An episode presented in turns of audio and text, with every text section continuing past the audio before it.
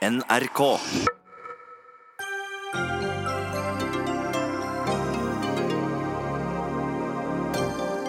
Dødstallene stiger etter den verste skogbrannen i Hellas på over ti år. Over 70 menneskeliv har så langt gått tapt i brannene rundt Aten. Investeringer for over 40 millioner kroner blir jevna med jorda etter Natos militærøvelse på Rena. Molbo-politikk, mener ordfører. Skyt alle villsvin, sier Senterpartiet, som vil hindre en villsvininvasjon. Invasjonen kommer uansett, svarer Jegerforbundet, som vil at vi skal se på dyra som en nyttig ressurs. Og hun ser så ubegripelig alminnelig ut. Gråmelert, lyst, ganske tynt hår. En aldri så liten ring av alderstillegg rundt midjen. Portrett av kvinnelig toppleder vekker oppsikt.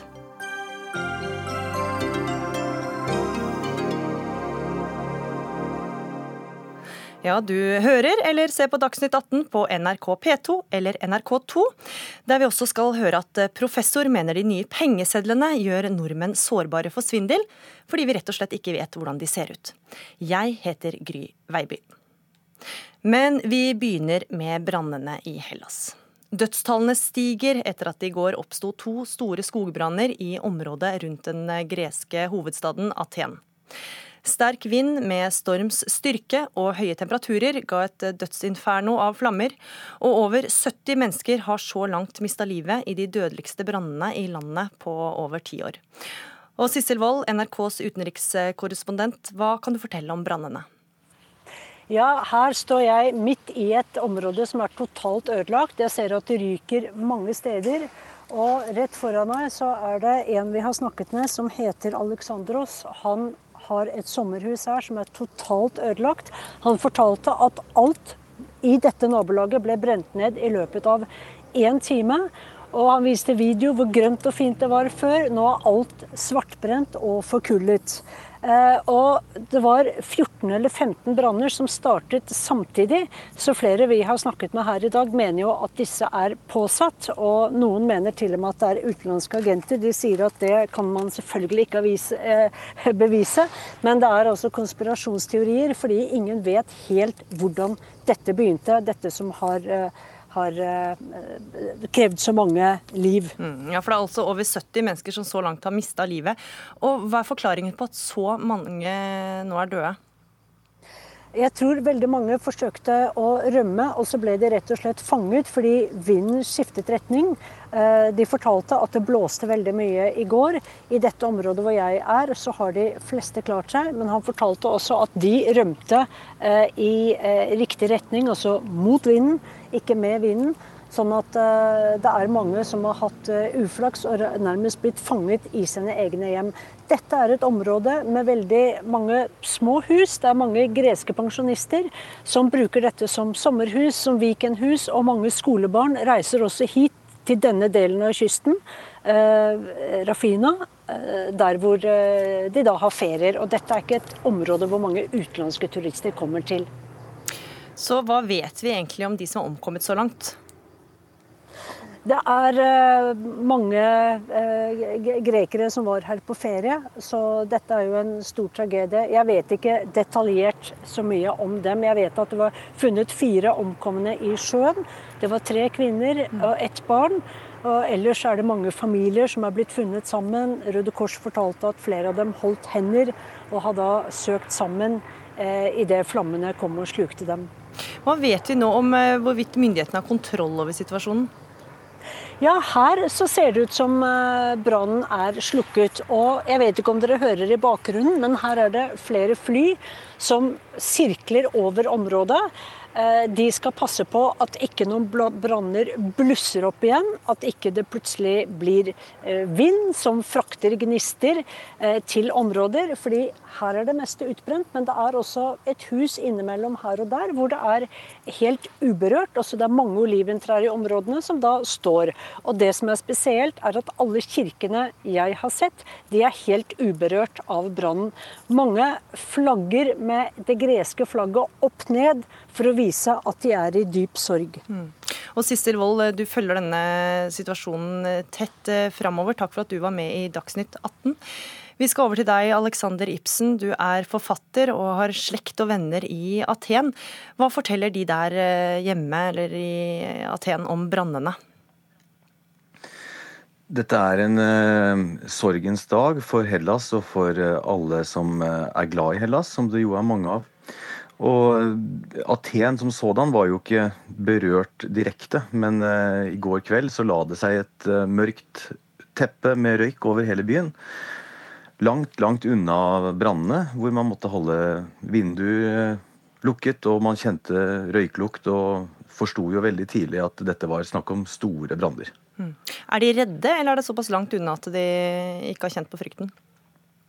Direkte redde har nok ikke folk i Aten vært. Men denne brannen her har, har eh, med så mange omkomne og så mye tragedie, så berører den litt på en annen måte. Eh, alle naturkatastrofer er jo tragiske, men her er det så mye vitnesbyrd til hva katastrofen har vært med forbrente biler, med mennesker som har prøvd å flykte ut i vannet. Eh, har blitt revet langt til sjøs, og noen har jo druknet. Og dette gjør et veldig stort inntrykk. Mm. Hellas har blitt ramma av flere store branner de siste ti årene, og i 2007 opplevde landet verste, en av de verste brannene på 150 år. Hvordan er beredskapen i landet?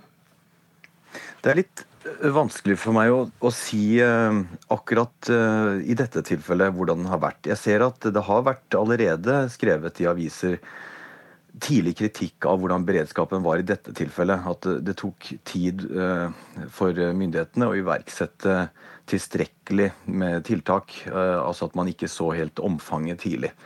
men nå må vi også huske at den type branner som vi snakker om nå, store skogbranner, er en utrolig krevende oppgave. Eh, man må eh, inn med luftslukking. Og man kan ikke alltid utføre den i eh, ønsket utstrekning pga.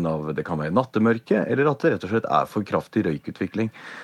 Og så har det vært litt færre branner i Hellas, i hvert fall av dette omfanget her siden 2007. Så de siste ti årene har det vært noe færre. Som jo kan tyde på at beredskapen har vært Eh, bedret, eller at den har vært eh, god nok eh, kan vi si, de siste årene. Men i dette tilfellet her så er det litt tidlig å si. Og skogbranner er vanskelig å etterforske. Altså, Sissel Wold fortalte jo også om eh, hvordan man spekulerer i ulike eh, årsaker til brannen.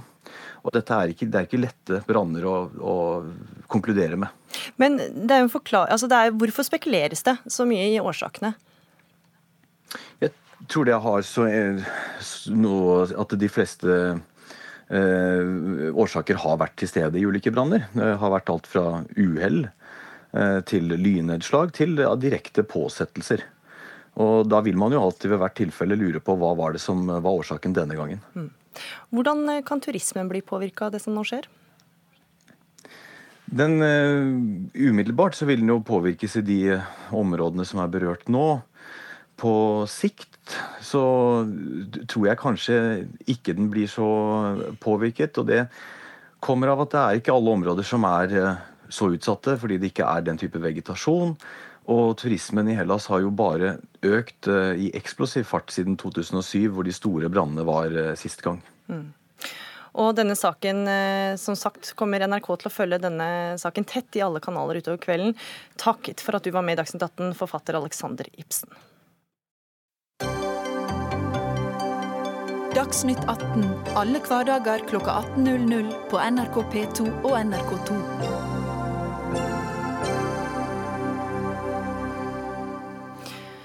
Og mens storbranner herjer i Sverige og Hellas, er Norge foreløpig spart for eh, storbranner. Men Meteorologisk institutt melder om fortsatt høye temperaturer og lite nedbør de neste ukene. Og forholdene kan nå bli mer alvorlige enn de var under krisetørken i 1947, og tørken kan vare helt fram til september. I Norge er beredskapen høy, og skogeierne iverksetter tiltak for å hindre branntilløp. Cecilie Daad, du er direktør i Direktoratet for samfunnssikkerhet og beredskap. Hvordan er skogbrannfaren i Norge framover?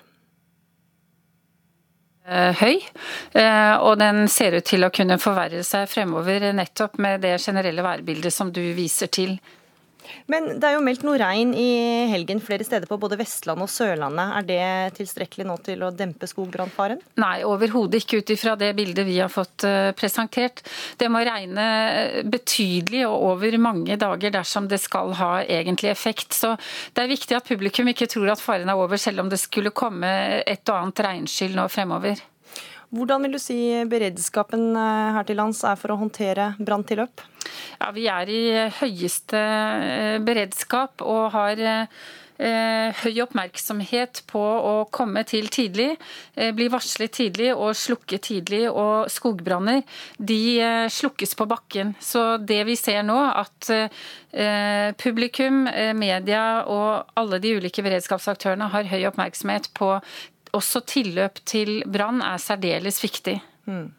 Og Hva skal til nå da for at eh, Eller kan det skje at Norge opplever skogbranner av tilsvarende størrelse som i, i Sverige? Vi kan ikke utelukke at vi får store hendelser eh, også i Norge. Det har vært jobbet eh, systematisk over mange år nå med å bedre skogbrannberedskap, også i samarbeid med et bredt spekter av aktører, bl.a. skogeierne. Eh, som sitter i det vi kaller for et skogbrannutvalg, som møtes to ganger i året før sesongen og etterpå for å evaluere. Vi har eh, hatt stort fokus på organisering og ledelse av skogbranner og av brann og redning. Vi har eh, en veldig god helikopterstøtte nå med, med en kontrakt med Helitrans som vi ser er svært fleksibel. Og vi har flott frivillig innsats og Sivilforsvaret som forsterkningsressurs. og vi mener at vi har en eh, god beredskap. Eh, nødnett og samband er også viktig, og vi har dette nasjonale, internasjonale og nordiske samarbeidet også. Men det er klart store hendelser kan vi også få i Norge. Mm. Og I Sverige så kan brannene pågå i ukevis framover. Hvordan bidrar Norge med hjelp til Sverige nå? Eh, vi bidrar her nå med 40 mannskaper fra Trøndelag og er bedt om å holde eh, et sånt antall i innsats fram til 4.8. Og så har vi denne veldig viktige eh, helikopterberedskapen som Helitrans bidrar inn i. I tillegg så har vi noe ledelses støtte, eller vi samarbeider med Sverige i forhold til koordinering og samordning. Så vi har også eh, fått veldig mange frivillige Eh, som ønsker å bidra, og det har vi også meldt inn til MSB, som altså er DSB i, i Sverige. Men akkurat nå eh, så har de tilstrekkelige ressurser, og vi venter på tilbakemelding utover i tid. Mm. Kan vi forvente at land som Polen og Tyskland kommer Norge til unnsetning, sånn som de har gjort i Sverige nå? Vi er eh, medlem i EUs ordning for sivil beredskap og krisehåndtering, og ordningen tilsier at alle vil kunne bistå i EU-sammenheng, også dersom Norge skulle trenge det. Mm. Hans Asbjørn Kårstad Sørli, du er rådgiver i Norges Skogeierforbund. Hvilke tiltak setter skogeierne i verk for å redusere brannfaren? Skogeierne setter først og fremst eh, i verk forebyggende tiltak eh, for å hindre at det oppstår skogbrann. Eh, og Det viktigste forebyggende tiltak er kursing og opplæring av de som faktisk er ute i skogen. Som er maskinentreprenørene og de som hogger skog. For skogsmaskiner de kan fort starte skogbrann hvis det er tørt. Og det er Et av de viktigste tiltakene er å, å kurse skogsmaskinentreprenørene. Mm. Men mange av de er også permittert? Det stemmer. Det er eh, som en følge både av at man, man ser at skogbrannfaren er for høy til at man kan drive skogsdrift, og også som en følge av at brannvesenet i enkelte områder har lagt ned forbud mot, mot skogsdrift. Mm. For så vidt av den samme begrunnelsen. Mm. Hvilke områder i Norge er dere mest bekymra for akkurat nå? Du, det er eh, store deler av Sør-Norge som har ekstremt uh, høy skogbrannfare. Uh, skogbrannfareindeksen, der varsles det om eh, ekstremt stor skogbrannfare ved 70. Eh, når indeksen er på 70. Nå ligger den mange om, områder over 140 til 200. Så vanligvis så, er den 70, og nå er den Nei, eh, ikke vanligvis. Det er meget stor skogbrannfare mm. når den er 70. Mm. Og, og, nå ligger den på over 140, opp mot 200 flere steder. Så, men i Telemark f.eks. har man nå lagt ned forbud om all skogsdrift, og det er jo en indikator på at her spesielt er særdeles stor skogbrannfare. Mm. Men det gjelder også i andre deler av Østlandet. Mm. Hva er din forklaring på at Sverige sliter med flere storbranner utenfor kontroll, men det foreløpig har vært småbranner her i Norge? Noe kan nok skyldes, eh, skyldes, eh, delvis litt forskjeller i klima, rett og slett. At vi i Norge har et kystklima som dekker mye av Norge. Nå har det riktignok vært tørt med også mange steder langs, langs kysten. Men, og det skyldes også delvis litt naturgitte forhold som topografi. Men en av de viktigere årsakene som jeg tror, er at man i Norge man har et spredt bosettingsmønster som gjør at man, man lettere oppdager eh, skogbrannene. Og man har også et brannvesen som er dimensjonert også ute i distriktene og lett kan, eh, eller fortere kan komme til, til steder. Som det ble sagt av DSB, så slukkes branner på bakken. Helikopter kan, de bidrar med å hindre spredning, men eh, brannene slokkes på bakken. Mm. Skogeierforbundet var representert i et utvalg eh, etter eh, håndtering av Frolandbrannen i 2008, da man så på hvordan man håndterte det der. Er vi bedre forberedt i dag enn det vi var da? Ja, det vil jeg si. Vi er betydelig bedre forberedt. Eh, og en av de, en av de viktige måte, endringene som er gjort, det var at man fikk noen personer i Norge som hadde spesialkompetanse på, på skogbrann, og som kunne bidra med lederstøtte når det var eh, store hendelser. Mm. Så eh, siste ord til deg, da. Vi er eh, forberedt dersom noe skulle skje? Vi er så godt forberedt vi kan være her og nå, og gjør alt vi kan i samarbeid med mange andre. Samfunnssikkerhet og beredskap og lagspill. Så her samarbeider vi med veldig mange gode aktører. Mm. Tusen takk for at du var med i Dagsnytt 18, Cecilie Daa, direktør i Direktoratet for beredskap og samfunnssikkerhet. Takk også til deg, Hans Asbjørn Kårstad Sørli, rådgiver i Norges Skogeierforbund.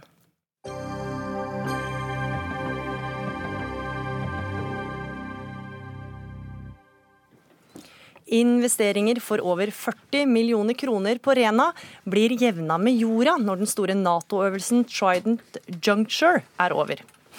For nå, eh, for når flere tusen tyske soldater og personell skal innkvarteres på Rødsmoen i Åmot kommune til høsten, bygges vann- og avløpsanlegg, vaskehall for kjøretøy og annen infrastruktur som altså ikke blir brukt videre. For når soldatene drar og øvelsen er over, blir eh, rørene plombert og byggene revet. Ole Gustav Narud, du er ordfører fra Senterpartiet, og det reagerer du på. det. Du kaller det Molbo-politikk. Hvorfor det? Jeg mener at den infrastrukturen som bygges opp nå i forbindelse med øvelsen, vil Norge kunne ha stor nytte av også i fortsettelsen. Det er meningsløst å bruke penger på å sanere noe som eh, Norge og Nato vil kunne ha nytte av i framtida, også fordi at mindre øvelser og ordinær trening vil ha nytte av denne men Forsvaret sier jo selv at de ikke trenger eh, alt bygget? Der er det forskjellige meninger innad i Forsvaret. Ledelsen i eh, FLO er det vel, har eh, tatt beslutningene. Sånn at det, det som kommer til uttrykk fra både Forsvarsbygg og Hæren osv., i hvert fall lokalt, er at det, dette er infrastruktur som en vil kunne ha nytte av, og som en til dels åpenbart har behov for. Blant annet fordi at det en i stor grad bruker hotell til å innlosjere soldater som er på trening i Rena leir. Mm. Statssekretær i Forsvarsdepartementet, Tone Skogen fra Høyre. Det høres jo unektelig både litt bortkasta og lite miljøvennlig ut å jevne investeringer til 40 millioner kroner med jorda når soldatene reiser. Hva er forklaringen på det? Nå er jo situasjonen den at dette er midlertidige investeringer som våre allierte gjør. I dette tilfellet, som det ble sagt, primært uh, Tyskland, uh, sammen med en del andre allierte. Det er midlertidige investeringer for å dekke et midlertidig behov i forbindelse med den øvelsen Norge er uh, vertsnasjon for til høsten. Så Det er også det er tyske investeringer vi snakker om, det er ikke norske penger. Og Når du mener midlertidig investering, så mener du at det bare er en investering der og da? Eller? Det er en investering der og da. Dette er et behov som Tyskland og de folkene de har med seg, primært har behov for i forbindelse med at de deltar på den store øvelsen som går over et par måneder til, til høsten. Hvorfor kan det ikke være en langsiktig investering da, istedenfor midlertidig? Dette er et prinsipp man har i Nato. Det samme skjer når vi er ute og øver. Når vi er ute og trener i andre land, så er dette det samme. At dette er midlertidig. Og det hører jo også med at disse investeringene de er jo heller ikke av en slik karakter at de er ment å være permanente. Eksempelvis er det ingen som vet om disse rørene ville tåle norsk vinter og kuldegrader. Det, det, er liksom ikke, det er ikke det som er i naturen. Og så er det også riktig å si at eh, som det ble sagt her, at Forsvaret har jo definert behovet for infrastruktur i Rena-området. Og det er ikke behov for ytterligere investeringer i infrastruktur. Og det å da skulle eventuelt vurdere å bruke penger på å overta noe vi ikke ser behov for, bruker altså penger til å drifte, vedlikeholde bygg, vaskehaller, når vi heller kan bruke de pengene på å skaffe landet et bedre totalt forsvar. Det syns vi er en mye bedre politikk. Ja, og Selv om det da er eh, lokalt, sier du at det er eh, andre meninger om eh, å bruke dette videre. Men allikevel så må jo disse byggene vedlikeholdes, da. Og det koster jo penger? Ja, det koster penger. Og det blir jo da et spørsmål om f.eks. Hæren er villig til å betale den husleia som kreves. Så vidt jeg vet, så er Hæren villig til det. Men det er også viktig å være klar over at en god del av de investeringene som gjøres nå, det er f.eks. sprenging av 180 000 kubikkmeter med masse. Eh, det er boring av en grunnvannsbrønn. Det er snakk om å etablere et renseanlegg. Og det er snakk om å grave vann- og avløpsledninger, fiberkabel og strømkabler langt ned i bakken for at de nettopp ikke skal fryse. Så dette er infrastruktur, en del av det, som åpenbart har best av å få lov til å ligge i bakken. Så det, når svaret fra statsråden antyder at det her skal det nærmest slettes med jorda, så blir det nokså meningsløst, da. Mm. Det virker jo litt som ut som man kaster penger ut av vinduet her, selv om det er tyske investeringer. Altså, Vi forholder oss til Forsvarets ledelse. Jeg vet ikke hvor ordføreren får sine opplysninger fra. Vi forholder oss til det forsvarsledelsen sier. Ja, og Offisielt sier de jo at man ikke trenger disse byggene mer. Det er mm. helt riktig. Og så er det jo også et poeng synes jeg, i denne sammenhengen at nå snakker vi om Åmot kommune og Rena og det som skal skje der. Denne øvelsen kommer jo til å foregå i store deler av det sentrale og, og, og østlige Norge. Og det vil være mange tilsvarende eksempler hvor allierte foretar den type investeringer. Og vi kan jo ikke ha det slik at Forsvaret skal gå inn og overta alt dette Særlig i den grad vi ikke ser behov for at dette er noe vi trenger. Og så skal vi altså bruke ressurser på å vedlikeholde en masse infrastruktur og bygg vi ikke trenger, når vi heller kan bruke de pengene på å skaffe landet et bedre forsvar. Og Naru, dette her er jo Nato som har sagt at man ikke skal tjene penger på midlertidige investeringer. Det er et regelverk i Nato som skal hindre at det vertslandet velter invester nødvendige investeringer over på land som, eh, som kommer for å øve. Men eh, når, det, når, det, blir sagt her at dette her er en øvelse som foregår over hele landet, og en kan ikke drive på samme måten over hele landet, så er det selvfølgelig riktig. Problemet er bare at i Østerdalen og på Rena så har Forsvaret allerede erverva 250 000 dekar øvingsområder. De skal brukes. De skal eh, gjerne både norske og utenlandske styrker bruke i små og store øvelser i all framtid. Det går ikke an å sammenligne det som skjer på Røsmoen og i tilknytning til Rena leir, med et hvilket som helst tiltak hvor som helst i landet. Og Den nære infrastrukturen som eh, bygges her nå, den vil Nato kunne ha nytte av, også dersom eh, f.eks. Telemark bataljon skal øve mot nederlandske, tyske, franske, engelske styrker ute på Røsmoen eller inne i regionfeltet Østlandet. Ja, hvorfor? Det er jo ikke planlagt noen flere større Nato-øvelser på Rena leir. Men det er derimot planlagt andre steder i landet, hvor man da kanskje må bygge opp masse infrastruktur og, eh, for å huse disse soldatene igjen. Hvorfor kan man ikke bare bruke Rena leir flere ganger, og så slipper man å gjøre disse investeringene igjen? Altså, ja. ja. Nå er jo dette ulike øvelser som ulike står bak, i første rekke Nato. Det er ikke slik at det er utelukkende vi som beslutter hvor dette skal foregå. Vi forholder oss til det forsvarsledelsen sier, at når det gjelder behov for infrastruktur på Rena og området rundt Rena leir, så har vi det vi trenger av infrastruktur. Og så må jeg jo få parere når ordføreren viser til at dette er så veldig spesielt. Altså Det gjøres en rekke investeringer også flere andre steder. Og det vil jo være en underlig forsvarspolitikk da, om Forsvaret skal bruke ressurser på å vedlikeholde en rekke bygg, rørledninger, sanitæranlegg som bare blir stående der, når de pengene kan brukes på en mye mer nyttig måte. Ja, og så er kanskje mange av disse byggene her ikke helt byggteknisk forsvarlige. da, altså hvis man skulle, I og med at de da er tenkt å være midlertidige.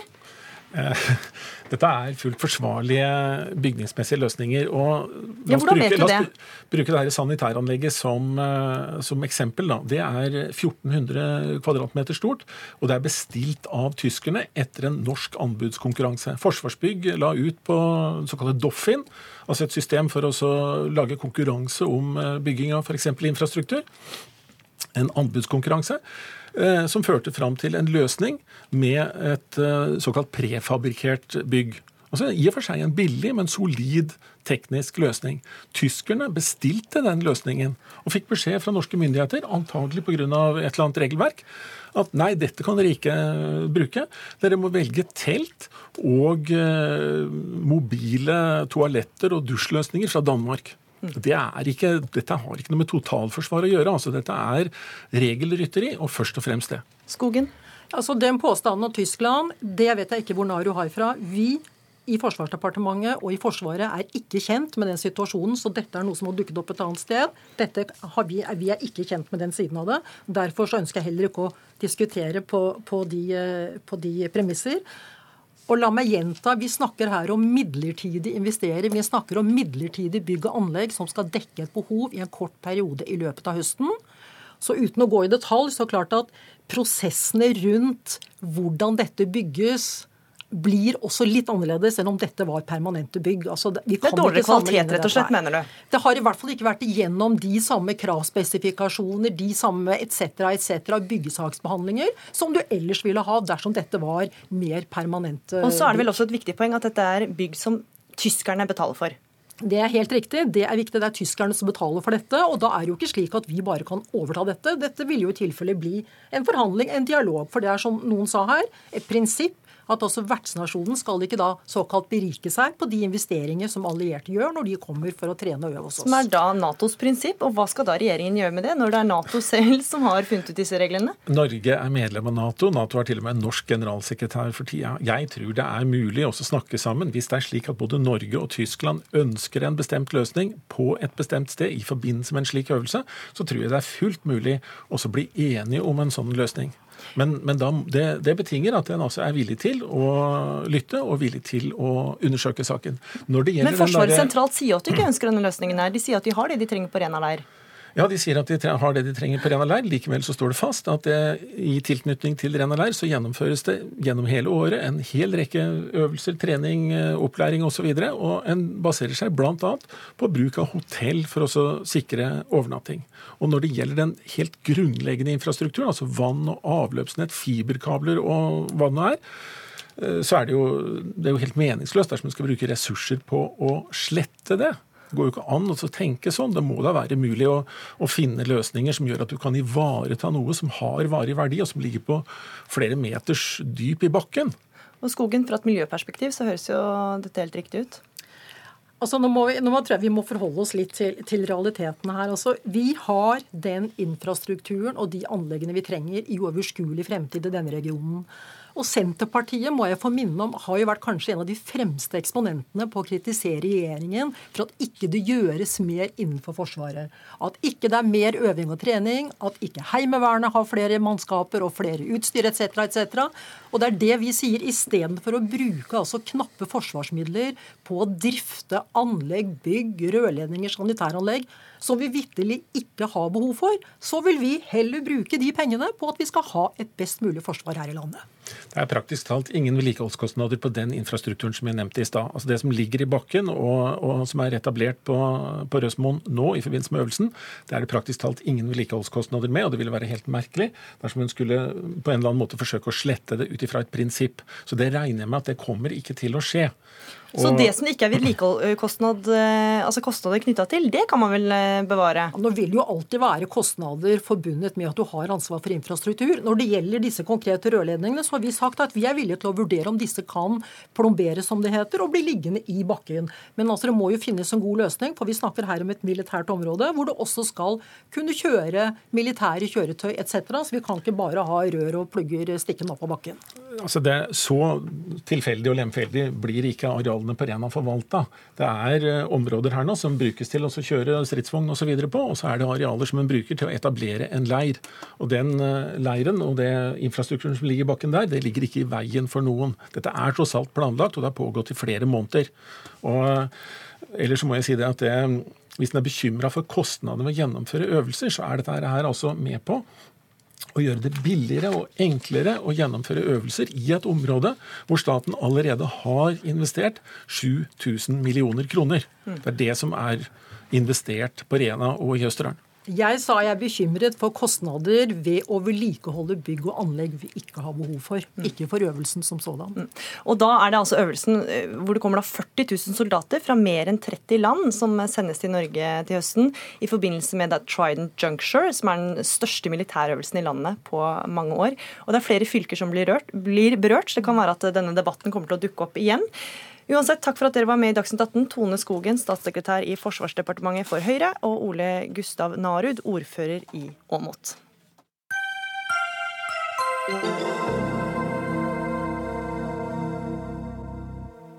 Et portrettintervju i Agderposten har vakt oppsikt. Hun ser så ubegripelig alminnelig ut. Gråmelert lyst, ganske tynt hår, gråblå øyne. Mørke bukser, ditto overdel med litt eh, blomster.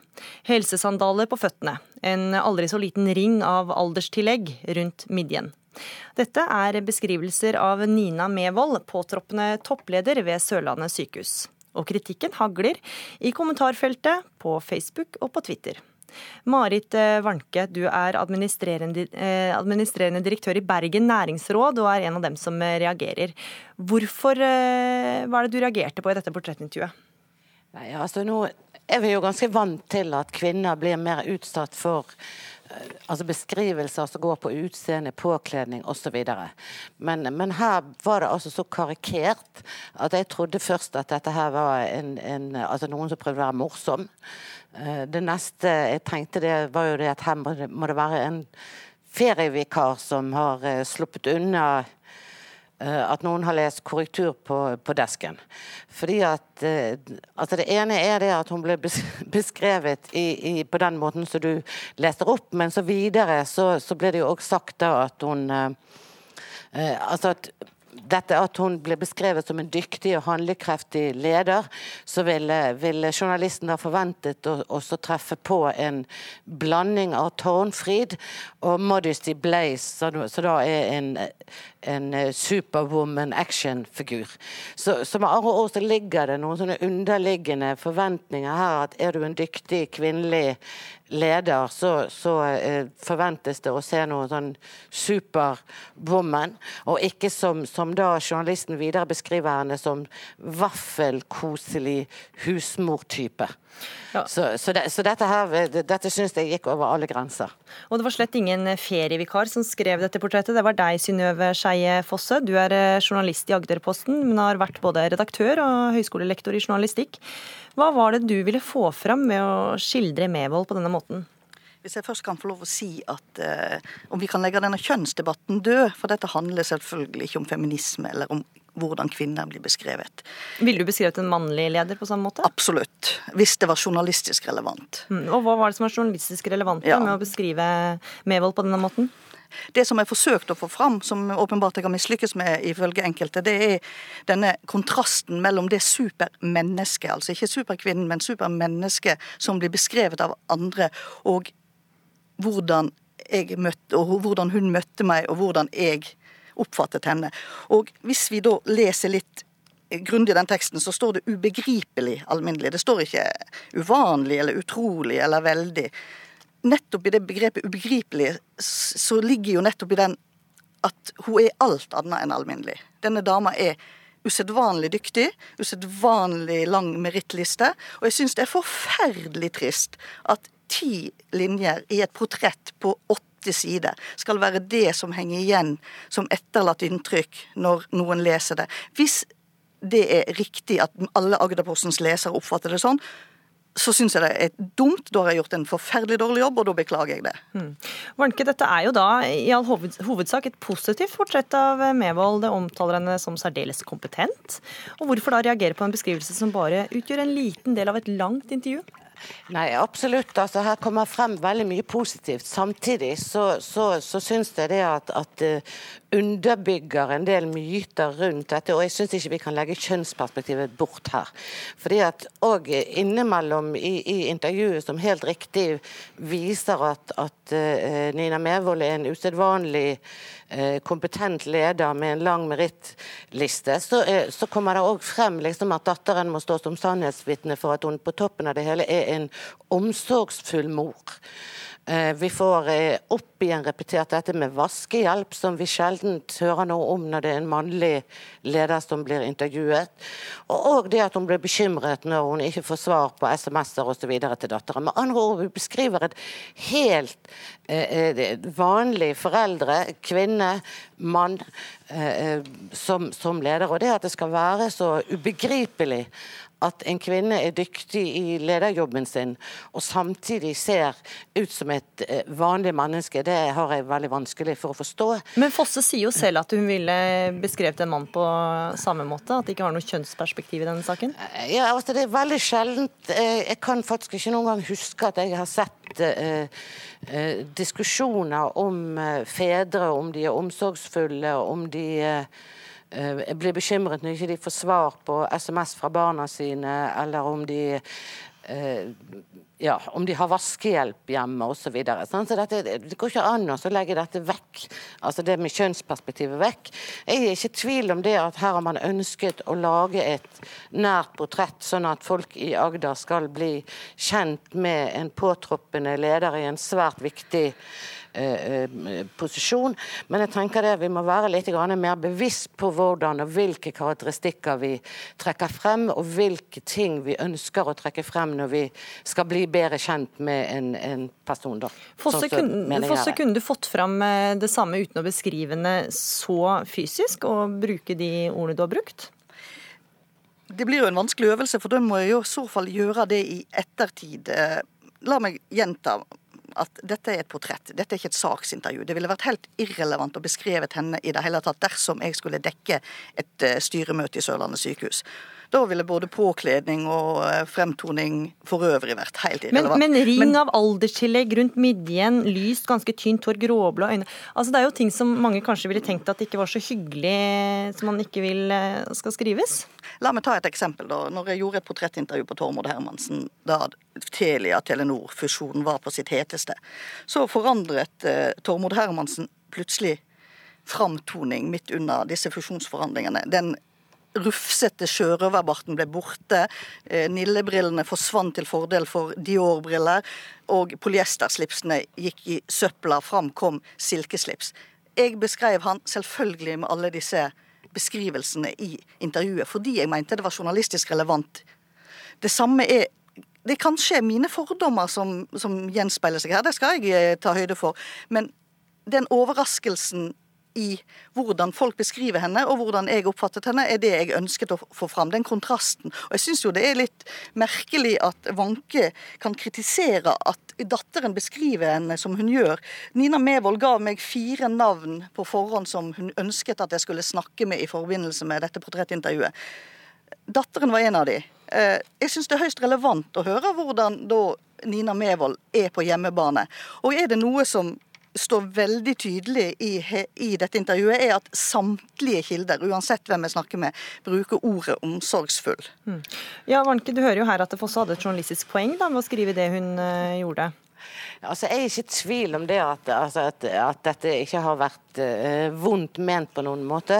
Men man må også se de underliggende tingene som, som, som ligger i her, og som, som uh, det nå ble sagt òg, at det er mulig fordommene uh, har vært med å farge hva man ønsker å, å vinkle. Fordi at hvis man blir så fryktelig overrasket over at en dyktig, handlekraftig leder eh, også er en omsorgsfull mor og en, en, en omsorgsfull eh, eh leder, eh, så tenker jeg at altså, Hva sier vi da? At for å bli toppleder, så er det mer forventet av at du er eh, en superwoman som ikke har tid til barna dine, som ikke eh, ja, ikke har omsorg. Altså Det blir jo den andre greien av det. Da. Så det at jeg, jeg tenker at man må, må, være litt sånn reflektert på hva er det inntrykk som gis. Altså Nå tror jo ikke jeg Nina Mevold på noen måte kommer til å, å, å bli noe mindre eh, Altså få noe mindre autoritet som ny påtroppende leder i det hele tatt. Jeg tenker mer egentlig på hvilke signaler er det vi gir ut når vi beskriver en kvinnelig leder på den måten. Mm. Og hva er det vi sier til andre. Altså det, det, fortsatt så er det sånn at vi har veldig få kvinnelige toppledere i, i, i Norge. Og da, da, bør vi liksom tenke det sånn over eh, hvordan vi, vi fremstiller de, de vi har. Mm. Og faktisk det å være alminnelig Det kan ikke være noe så ubegripelig med å være alminnelig. Det må jo være det mest begripelige av alt. Ja, Fosse, Du har fått uh, fryktelig mange reaksjoner, bl.a. på deres egen eh, Facebook-side. Hva syns du om reaksjonene som har kommet så langt? altså Jeg har bare lyst til å gjenta, kan ikke vi være så snill å legge denne kvinne-mann-debatten død? Du kan bytte ut hele intervjuet, og så kan du skrive det om som at dette var Nils Mevold. Og det ville stått akkurat det samme, og det ville ikke vært noe noe forandring på det, og det ville ikke gitt noe annet, bortsett fra at kanskje folk hadde hissa seg litt mindre opp. Nå har jeg vært eh, feminist i ca. 40 av mine 53 år, så jeg blir ikke spesielt eh, skremt eller eh, deprimert av at folk eh, eh, tror eller tillegger meg meninger om at jeg ikke skulle være feminist eller ikke skal være kvinnevennlig. Men jeg syns jo at dette her blir litt sånn at det har tatt litt av. Faktisk. Men uh, Nina Mevold som vi snakker om, har også eh, kommentert kjønnsperspektivet. For hun hadde ikke anledning til å stille, men sier i en kommentar Jeg synes at jeg har fått eh, anledning til å komme gjennom med gode poenger om jobben jeg skal inn i, men jeg reagerte på beskrivelsen av utseendet som jeg mener burde vært irrelevant. Det illustrerer det jeg sa i intervjuet om at vi fortsatt har en vei å gå når det gjelder likestilling, men det får journalisten stå for. Hva er din kommentar til det, Fosse? Ja, Det syns jeg er veldig overraskende. Og selvfølgelig så beklager jeg det dersom Nina Mevold er støtt eller syns dette er, er dumt. Men Nina Mevold leste altså gjennom hele teksten, og da mener jeg hele teksten ikke én gang, ikke to ganger, men tre ganger. Og alle, samtlige hennes korrigeringer og ønsker ble tatt til følge. Mm. Kan jeg kommentere på akkurat det? Veldig kort. Fordi at uh, dette her med når vi kommenterer på og leser igjennom teksten, så kommenterer vi og leser igjennom på det som er sitatene på det vi har sagt. Det er ikke det er mye vanskeligere å si at vi ja, ikke vi liker en utseendebeskrivelse. Hun fikk eh, tilgang til hele ja. intervjuet. Ja, det har jeg gjort sjøl mange ganger òg, og det føles ganske vanskelig å gå inn i polemikk på hvordan journalisten beskriver oss mm. på utseendet. Det må de nesten stå for selv. Nina Mevold fikk eh, fullstendig anledning til Og forutsetningen for eh, portrettet var at hun ja. skulle få et portrett som hun kjente seg igjen i og var komfortabel med. Det var rammebetingelsene, og portrettet ble som det ble etter tre gangers gjennomlesning. Synnøve Skeie Fosse, journalist i Agderposten, og Marit Warnke, administrerende direktør i Bergen næringsråd, takk for at dere var med i Dagsnytt 18. Hør Dagsnytt 18 når du vil. Radio NRK NO.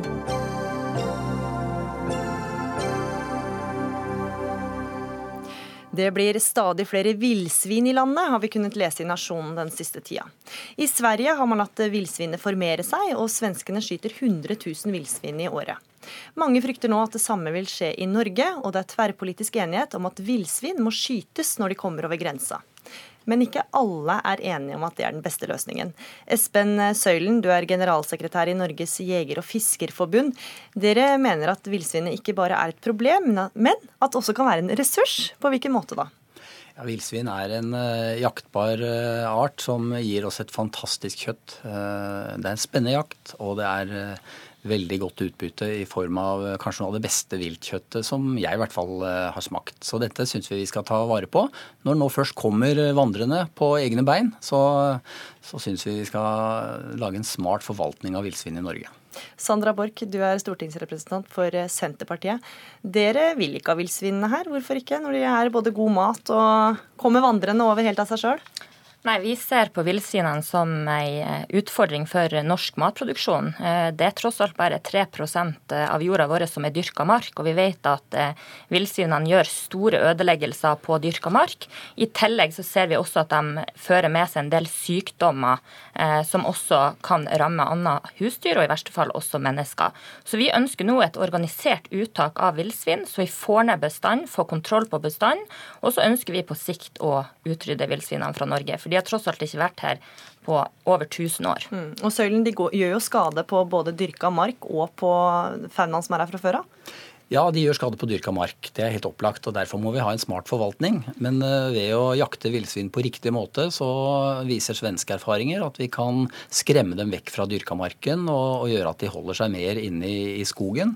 Og da i, i skog som er, som er lavtliggende, og som Eh, kanskje ellers i dag har eh, rådyr og, og elg som, eh, som, går veldig godt sammen med villsvin. Men det er helt opplagt at eh, vi må ha en god forvaltning. Vi må skyte villsvin. Vi kan ikke ha en ukontrollert utvikling i villsvinstammen. Men vi stiller altså spørsmålstegn ved om det er mulig å, å, å skyte ut villsvinstammen når vi har en 300 000-400 000 villsvin på andre siden av grensen mot Sverige, som eh, kommer til å vandre inn i Norge uavhengig av hva vi ønsker her. For i Sverige så regnes det jo som naturlig del av faunaen. Og de sier jo ikke grensene, landegrensene. Nei, men det ser vi også at eh, Svenskene har jo sagt eh, at man visste ikke hva man inngikk eh, når man åpna for villsvinsbestand. Og det ser jo vi også forskere nå sier. Og så må vi huske på at Norge er i en litt annen stilling enn det Sverige er, når man ser på den sårbare matproduksjonen som er i dette landet, som vi frykter at villsvinene vil true. Og det er jo bare å sammenligne nå med den situasjonen som er her eh, på Østlandet nå.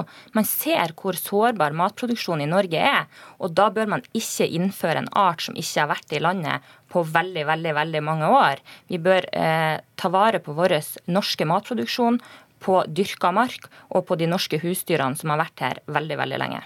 Du snakka om smart uttak, eh, at det ikke kan gå på dyrka mark. Hvordan skal det gjøres? Jo, I praksis så skjer dette med at uh, man samarbeider mellom, uh, mellom bonde og jeger. Uh, man skyter villsvinene, særlig ungene, på en sånn måte at, at villsvinmor tar med ungene ut fra dyrka mark igjen og, og finner næring andre steder. Og vi har jo masse beiteressurser som er tilgjengelige i Norge som i dag ikke blir brukt. Eh, eik, eikenøtter er noe av det beste villsvinet vet. Og det, et stort eiketre kan holde liv i en villsvinfamilie gjennom et helt år, sier de i Sverige. Så, så dette er også en måte å utnytte utmarksressursene våre på for å få mer kjøtt eh, på bordet. Og, og kortreist og det er vel ikke lov å si økologisk, men, men i hvert fall naturlig kjøtt som, som, virkelig smaker godt, og du skal lete lenge for å, for å finne noe tamgris som kan måle seg med dette. Mm. Eh, det mener jo jeg er litt utafor debatten. For det at jeg mener at eh, nå må vi ta vare på den norske matproduksjonen som vi har i dag, som allerede er veldig sårbar. Man ser det på situasjonen i dag. Og så må jeg si at når man ser på erfaringer fra eh, Sverige i forhold til uttak av villsvin, så ser vi jo nettopp at det har ikke fungert med å ta dem ut før de kommer inn på dyrka mark. Vi ser Danmark nå bygge opp villsvingjerde mot Tyskland fordi at man er redd for både dyrka mark, men også ikke minst eh, de sykdommene disse villsvinene fører med seg, og som kan gjøre stor skade på den eh, tamsvinbestanden vi har i Norge i dag, og ikke minst også eh, sykdommer som kan smettes over til mennesker. Men Kan det bli aktuelt å bygge gjerde mellom eh, Norge og Sverige, der hvor villsvin kommer? Det vi må gjøre nå når man ser at villsvinbestanden er på tur opp eh, Man har sagt at man ser at hvis man skal fortsette dette løpet, så vil man kunne øke villsvinbestanden betraktelig over tre år. Vi må få i gang et organisert uttak nå før det er for sent, og det vil Senterpartiet fremme forslag om allerede neste stortingssesjon. Mm. Og vi vet at et bredt flertall på Stortinget om at vi ikke skal ha villsvin i norsk natur. Villsvinet er svartelista og uønska i Norge. Da er det jo ikke så enkelt som du sier da, at vi kan skyte de små villsvinene når de kommer ut på dyrka mark, for da vil de slutte å gå dit. Nei, vi vet jo fra Sverige at det er mye konflikt rundt villsvin, eh, og har vært det. Men det er en konfliktsituasjon som har bedret seg betydelig i, i de siste årene, sier Svenska Jegerforbundet til oss, fordi man klarer å ha en mer målrettet forvaltning. Vi vet også at i Sverige så foregår det en utstrakt fòring. Og man har en helt annen organisering av jakten fra før av. I Norge så har vi gode tradisjoner for å organisere jakten i store vall. Eh, særlig Hva betyr det? Store, store områder ja. hvor man organiserer elgjakten.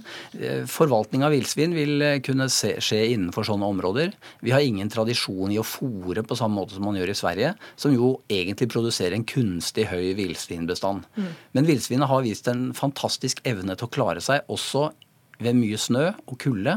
Så eh, det er villsvin nå langt oppover i Hedmark. Og, og villsvinet tror vi nok vil komme til å prege norsk natur, i hvert fall på Østlandet, i, i tiårene som kommer. Og da må vi ha en smartere forvaltning enn bare å prøve å skyte den bort. For det tror vi er en forvaltning som, som vi overhodet ikke vil lykkes heller. Mm. Det vi har sagt er jo at Vi ønsker et organisert uttak. og Det gjelder først og fremst å balansere bestanden, at den ikke skal øke. for så... Hvordan balanserer man bestanden da? Det gjelder jo få at man ikke skal få inn flere fra Sverige. Man er nødt til å drive et organisert uttak av villsvin, altså hvordan dyr du tar ut, eh, tar ut først. Jakt på grensa, da? Ja, nei, Jakt når den kommer inn til Norge. og det, Vi er jo nødt til å sette, altså vi har jo ressurser. Mm. Vi har jo SNO, kan komme inn på banen og, og, og jakte villsvin. Men det som er viktig, er at tiltakene iverksettes før bestanden blir altfor stor.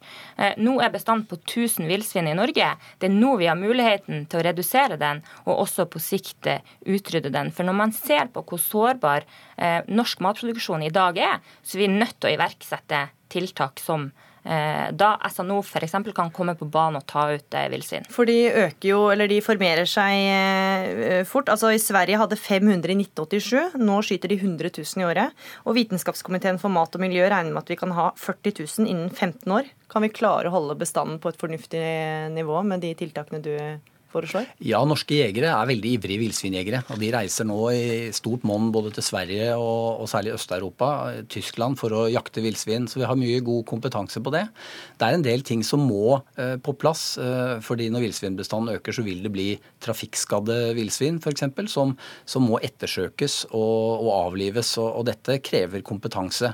Den er vi allerede i ferd med å bygge opp. I, i Østfold og søndre deler av Hedmark og Akershus så er det nå jegere som er i stand til å utøve dette.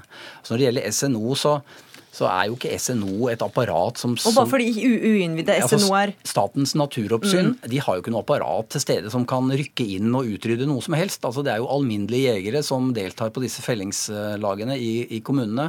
Vi har gode systemer for det. Og det jaktes veldig mye villsvin eh, i dag også. Både i sør i Hedmark og i Østfold så jakter man villsvin. Men til tross for dette så øker de i, i antall. Og det er ikke sånn at det er lett å jakte villsvin. Det er fryktelig vanskelig, mm. men veldig spennende. Mm. Så vi, vi, tror at uansett, uh, uansett, hva Stortinget måtte vedta, så må vi uh, ha en smartere forvaltning enn uh, en bare å ha en svartliste og si at vi ikke vil ha de her, for de kommer uansett. En ting er i hvert fall klart er at det er et samstemt storting som ikke vil ha villsvinene her. Det spørs om det blir så mye jakt framover. Men takk for at dere var med, Sandra Borch, stortingsrepresentant for Senterpartiet, og Espen Søylen, generalsekretær i Norges jeger- og fiskerforbund.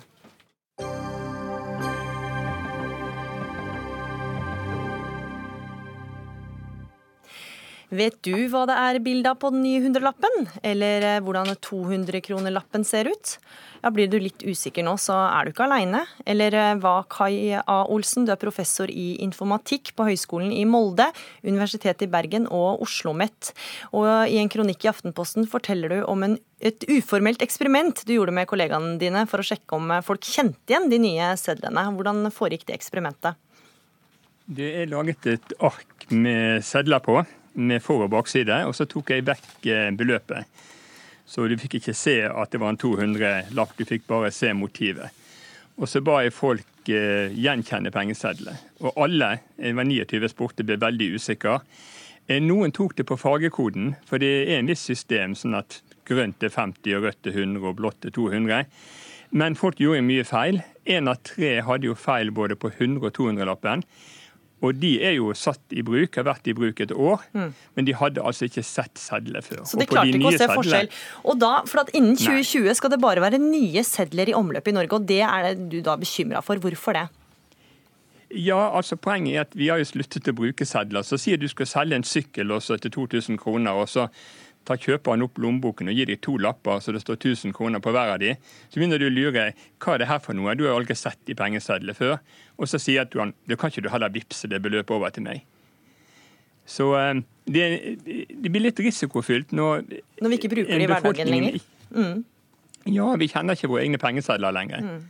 Hans Christian Ferden, du er grunnlegger av organisasjonen Ja til kontanter. og Det er kanskje ikke så overraskende at du syns de nye sedlene er eh, At du er positiv til de nye sedlene, men du hører her at de færreste klarer å gjenkjenne dem. Eh, og det gjør oss vel ekstra sårbare for eh, svindling? Ja, nei, har, dette er 29 av hans kolleger, og han er veldig kjent som en motstander av kontanter. Så det er ikke så veldig overraskende at 29 mennesker som ikke er interessert i kontanter, ikke kjenner dem igjen. Så du tror dine 29 venner ville kjent dem igjen? Det, det tror jeg, ja. Hvis, alle hvis de er medlem i Ja til kontanter, Ja, definitivt der, men de fleste andre også. ja. Men, men, du er positiv til innføringen av de nye sedlene? Ja, jeg syns de er veldig flotte. Det er kontanter er ikke bare kontanter, det er også kultur. Jeg syns at Norges Bank har gjort en fantastisk jobb med å ta vare på norsk kultur med de nye sedlene. Mm. Ja, Olsen, altså De nye pengesedlene har fått internasjonal ros. og Da designet ble presentert for to år siden, ble det, lagt merke til i flere internasjonale medier. Og Temaet er sjøfart og fiske. Tidligere viste de kjente norske personer. og Kan de ikke si noe om et lands kultur for turister eller neste generasjon? Absolutt, jeg syns de er fryktelig fine, jeg òg. Og det er veldig fint at avisen viser bilder av de, for vi kommer aldri til å se de i lommeboken. Så eh, det er der vi kommer til å se de nye sedlene. Det blir en kunstig ting som ikke kommer i vanlig bruk. Ja, Ferden, under 3% av alle betalinger i Norge i dag skjer med kontanter. Eh, Norges Bank sier noe annet. De sier at det er 11 men det er fortsatt ganske lite? Ja, det kan du godt si. Men, men, hvorfor er det veldig lite? Jo, det er fordi at kontantene har gjort veldig utilgjengelige. Det er en veldig stor grunn. Så er det selvfølgelig at folk eh, i Norge er veldig interessert i teknologi. Jeg, jeg, jeg tenker at uh, Olsen han, han er professor i informatikk. Det betyr at han er ekspert på data. Og da er det veldig naturlig at han tenker som han gjør. Jeg, mener, jeg har ikke noe imot det. Men, men eh, jeg, personlig så lurer jeg på hvordan, hvordan, tør vi egentlig å slippe kontanter? Ja, Hva er grunnen til at vi skal ha dem, da? Eh, grunnen til at vi skal ha det er veldig to, tre, fire grunner som jeg kan nevne. Da står det første personvern. Hvorfor skal bankene vite alt om oss? Hvorfor skal Alt vi gjør blir registrert digitalt så lenge vi betaler digitalt. Mm. Jeg sier ikke at alle sitter og ser på hver eneste transaksjon, men transaksjonene de er tilgjengelige. Det er poenget. Mm. Så, og jeg har et sånt uttrykk som egentlig er Hvis Hitler hadde hatt det systemet med kontantløshet og kun digital betaling, hadde en eneste jøde overlevd. Så overvåkningsmessig så er Det, det er 70 av, av tingen som ble medlem i Ja til kontanter når jeg var aktiv der, uh, tok opp. Det var overvåkningen. Mm. Ja, Olsen, det jo, gjør jo at vi blir veldig synlige da, når vi bruker eh, VIPS og andre betalingsformer som gjør at bankene kan se hvor vi er og hva vi gjør helt klart. Det er jo selvfølgelig strenge regler for registrering av data. Men det er klart dette med personvern og anonymitet det er jo eh, et tema. Men vi har spurt i en stor undersøkelse for hvorfor folk bruker kontanter, og det er bare 4% som sier at de gjør det pga. anonymitet. Så det er nok ikke noe viktig poeng for folk. Og jeg forstår det. For skal du være anonym i dag, så må du ikke bruke kort, du må ikke bruke mobiltelefon. Du kan nesten ikke leve i dag, du må ikke være på internett. Så det er nesten umulig å være anonym. Så vi må egentlig stole på at de lover og regler vi har, at de blir fulgt. Hmm. Men nå har jo da Norges Bank brukt rundt 70 millioner kroner på design og lansering av de nye sedlene, Olsen. Hva, var det helt bortkasta, eller hva skulle man gjort istedenfor? Jeg er veldig bekymret, for det virker som Norges Bank er veldig opptatt av kontanter. Nå har de selvfølgelig mye å tjene på å utgi kontanter, det er jo deres inntekt. Men jeg mener de må være mer opptatt av sikkerheten i de digitale systemene. Men det sier også Norges Bank, da, som vi har vært i kontakt med, at de nye cellene er bedre og vanskeligere å forfalske. Og det er noe av grunnen til at de fornya det. Ja, men vi bruker det ikke. Altså Norges Bank sier også at det kan være backup i tilfelle strømmen går. Men hvis strømmen går, så går ikke døren til butikken opp. Rema her nede vil ikke ha noen priser. De Kassaapparatet vil ikke fungere. Så vi er kommet i en situasjon i dag der vi er helt avhengig av at teknologien fungerer. Og da må vi passe på at den fungerer, og det gjør vi kanskje ikke. Det er altfor mye feil både i nett, i strømforsyning og i banksystemer. Ja, Ferden, er det vits å holde på disse kontantene? Eh, jeg har lyst til å spørre Olsen Når det er så mange andre ting som gjør at vi ja, ja, ja. Jeg har lyst til å spørre Olsen, eh, Du snakker om eh, vi må ha det tryggere. Vet du et eneste datasystem som ikke er hackbart? Nei, altså det er klart at de, no, de er klart hackbart innenfor visse grenser, men de fleste systemer er såpass sikre at det ikke vil lønne seg å hacke dem. Vi må, men altså, du har ikke noe valg. Altså Hvis du skal leve da, Du kan ta med kontanten din, men nå sitter jeg i Molde. og Skal jeg ha kontanter, så må jeg putte kortet mitt inn i en minibank. Det er det eneste måten å få kontanter på. Så uten de digitale systemene så er jeg hjelpeløs. Jeg har lyst til å være veldig tydelig på... Og Da er det selvfølgelig veldig viktig at de digitale systemene fungerer. Jeg har lyst til å være veldig tydelig på at jeg er ikke imot digitale systemer, men det er det frie valget som jeg opplever at du vil ta fra oss. Og det er det som jeg anser som svært, svært, svært farlig. For det, Hvis ikke vi har det frie valget, du snakker om internett, du snakker om Facebook f.eks. Alt kan vi velge når vi har to Du, du fjerner ikke heisen fordi om, nei, eh, trappen fordi om du bygger en heis. Og, og, Olsen, er det ikke for de som faktisk vil ha kontanter, er det ikke fint å ha de nye sedlene? Ja, På ingen måte så tar jeg vekk kontantene fra folk. Eh, men eh, poenget er at det blir så effektivt å bruke digitale system. Og det som også skjer nå, at vi har mm. kommet i en sånn fase at den nye teknologi mm. Ja, den nye teknologien kommer i så mange varianter. altså Du har kredittkort, du har mobilbetaling, du har VIPS, og snart blir det eneste måten å betale på. Og Der fikk du siste ordet, Kaja Olsen. Ja. Vi må avslutte. Dagsnytt 18 er slutt for i dag. Dag Dørum hadde ansvar for sendinga, Erik Sandbråten hadde det tekniske ansvaret, og her i studio var Gry Veiby.